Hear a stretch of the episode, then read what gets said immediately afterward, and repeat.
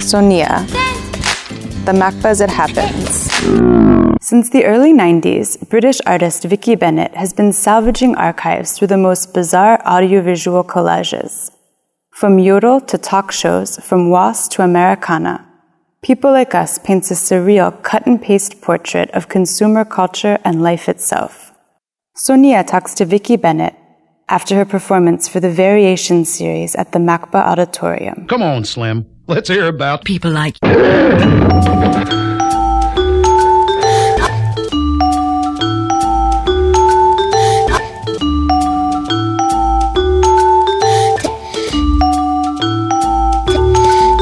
Just a minute.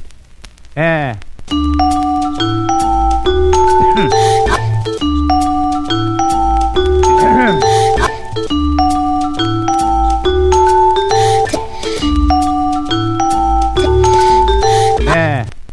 say that again?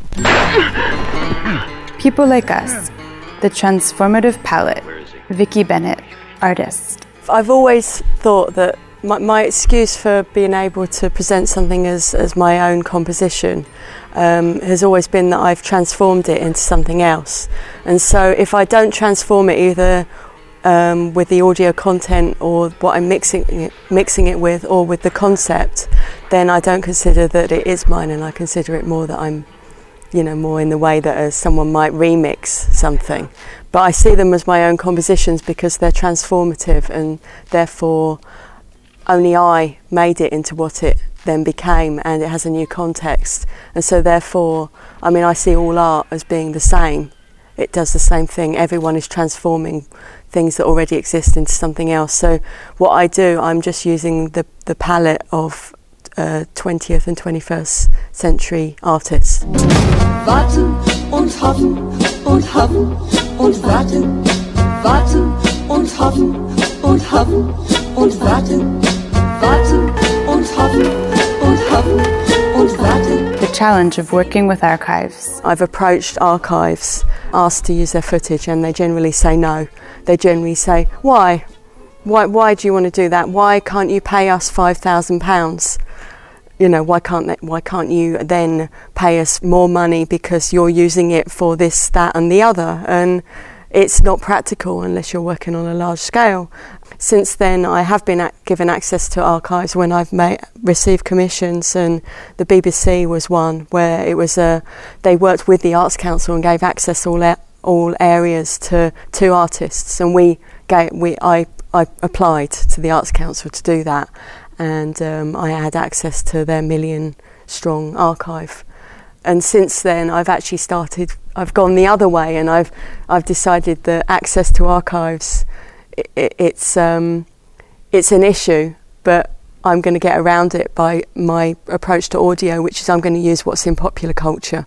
And so now I I basically have an account with a DVD hire company, and they post it to me and then I, I rip the DVD and then I use that content, which a lot of artists do. A lot, you know, look at Christian Marclay, he's doing the same thing. He's ripping DVDs too. Everyone thinks, oh, they must go to the, they must go to Hollywood and get it cut from 35 mil, and then no one's doing that. Everyone's just hiring DVDs and doing it that way.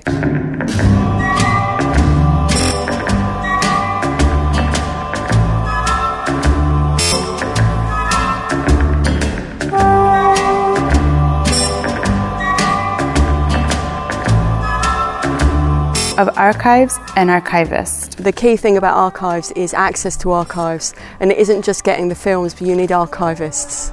So the great thing about someone like Rick Prelinger, he's got so many films, but if you say what your ideas are and you talk to him a bit, he'll basically say, "Oh, you want to see this, you want to see this."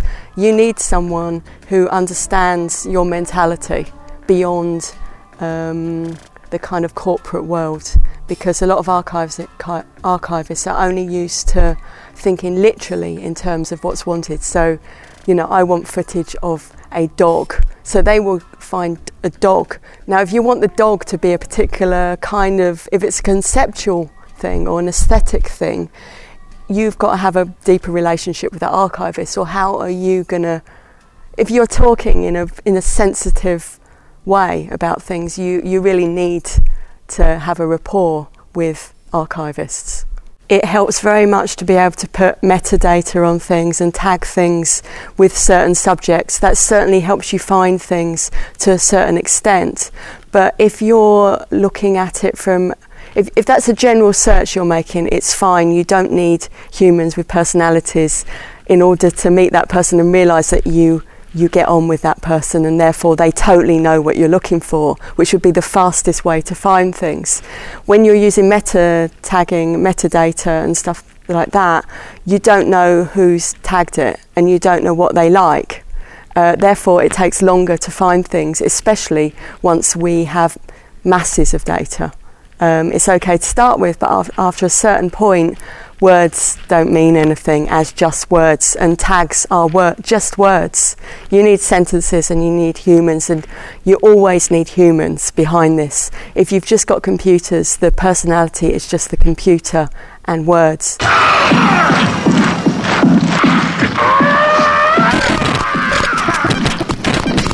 Is there a new baby in your home? Is there a new baby in your home? Is there a new baby in your home?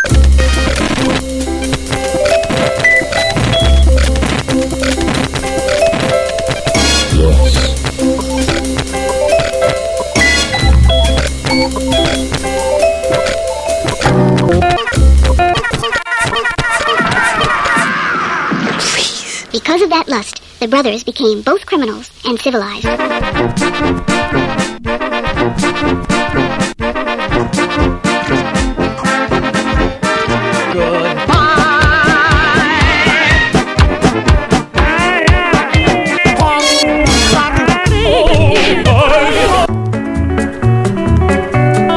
Because of that lust, the brothers became civilized. Through patricide, they became lovers.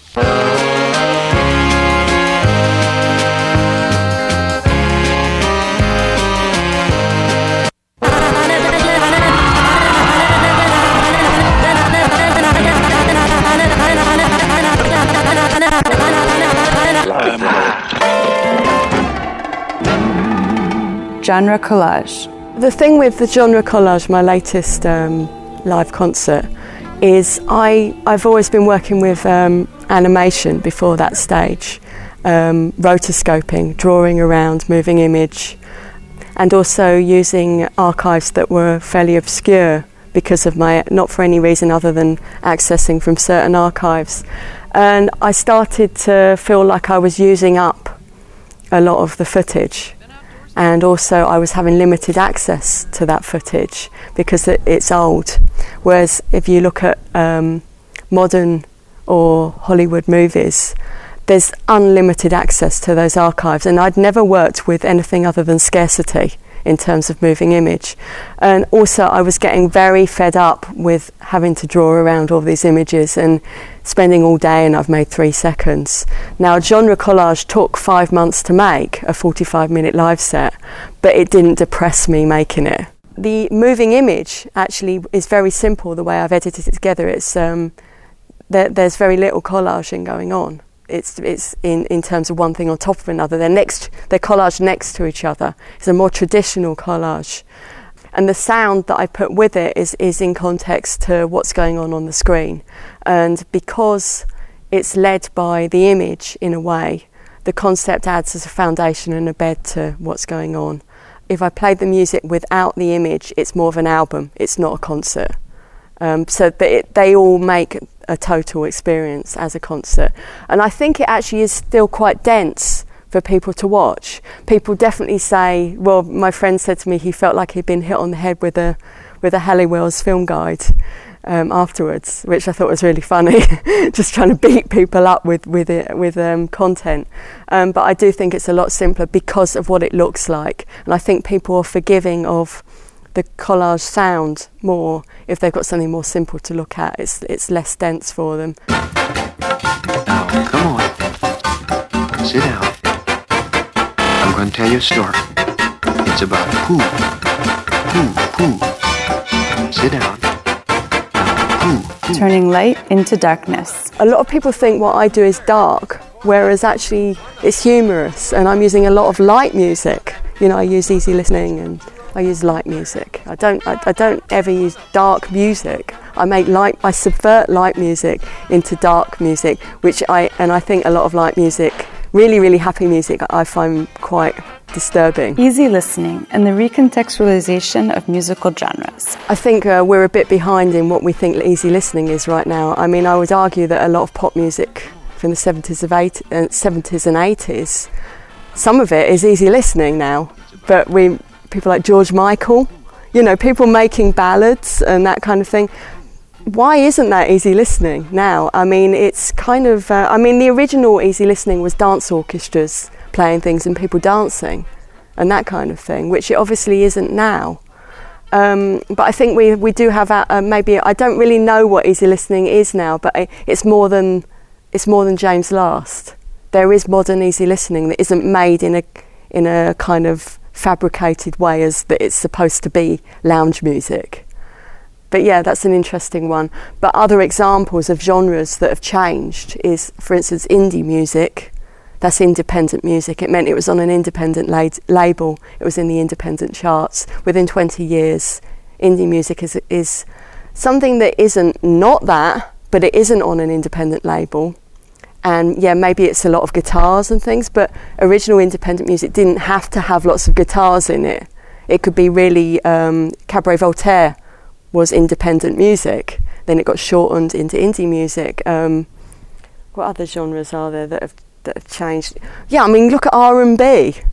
R and B had nothing to do with R and B now. It's a complete rhythm and blues, you know. So you can see the way that things get categorised. They get changed within 20 to 30 years, and I think easy listening now could easily be what we hear on the radio stations that traditionally used to play easy music.